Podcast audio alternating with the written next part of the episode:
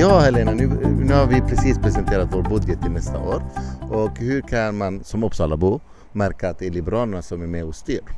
Ja, men det är stort fokus på skola, likvärdig skola, att eh, få till en skola som fungerar för alla barn med eller utan funktionsnedsättning. Eh, det är också stort fokus på jobb och företagande, på att skapa förutsättningar för alla de företag vi har som ser till att vi får in skatteintäkter till kommunen eh, som vi sen kan göra välfärd av. Hur blir det med typ sociala frågor, trygghetsfrågor, förebyggande arbete? Finns det något sånt i, i budgeten? Det finns mycket sånt i budgeten. Trygghet är ett av våra fyra fokusområden eh, och eh, eh, där så satsar vi dels på insatser som eh, är förebyggande för att inte barn och unga ska lockas in i kriminalitet. Eh, vi satsar mycket på en meningsfull fritid, på att koppla socialtjänsten till skolan, att fånga upp den som har stor skolfrånvaro etc. Men också på avhopparverksamhet inom socialtjänsten, på trygg, andra typer av trygghetsskapande åtgärder så det märks absolut. Ja men det du sa det här är sociala insatser och förebyggande insatser är jätteviktiga, vi som liberaler tycker om det. Men hur blir det med det som vi kallar för hårda ehm, eh, frågor när det gäller trygghet, till exempel vakter? Blir det sådana satsningar nästa år? Ja, men det blir det. Vi kommer förstärka jobbet med ordningsvakter som patrullerar både i centrala stan, i Gottsunda, men nu vill vi också ha även i Gränbyområdet. Vi ser att det är ett viktigt eh, tillskott i arbetet. Eh, men sen så kommer vi också jobba med trygghetskameror, bygga ut det. Eh, som det här extra ögat som, som är med och ser vad som händer. Men ytterligare en viktig sak är att vi ska bygga bort trygga, otrygga miljöer. Alltså man kan se att det finns ställen i stan där det återkommande händer grejer.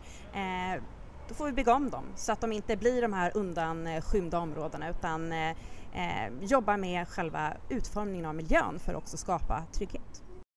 LSS, det är en fråga som, alltså framförallt boendet, det är en fråga som är aktuell. Eh, blir det någon satsning där?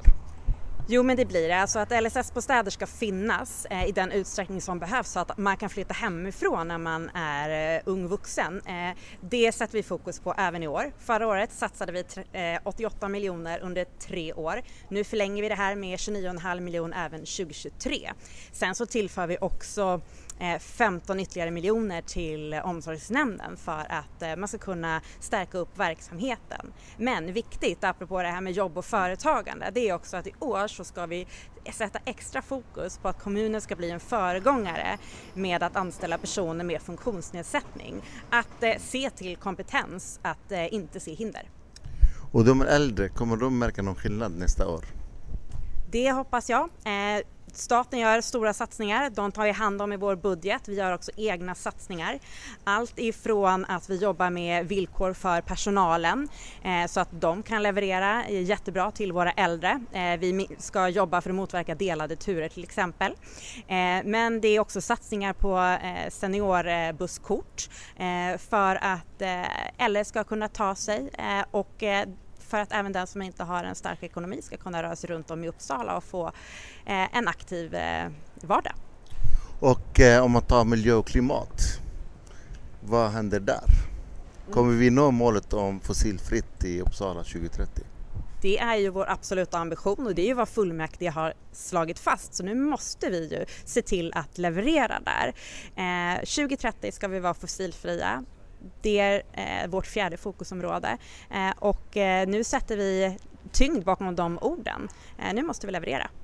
Fantastiskt, det här är direkt från eh, Stadsbiblioteket i Uppsala där vi presenterade vår eh, budget och jag tycker att jag är överflödig här för att jag har faktiskt täckt alla svar och jag tycker att det liksom märks att vi har en liberal prägel på budgeten. Tack Helena Edman Skoglund. Tack Mohammad Hassan.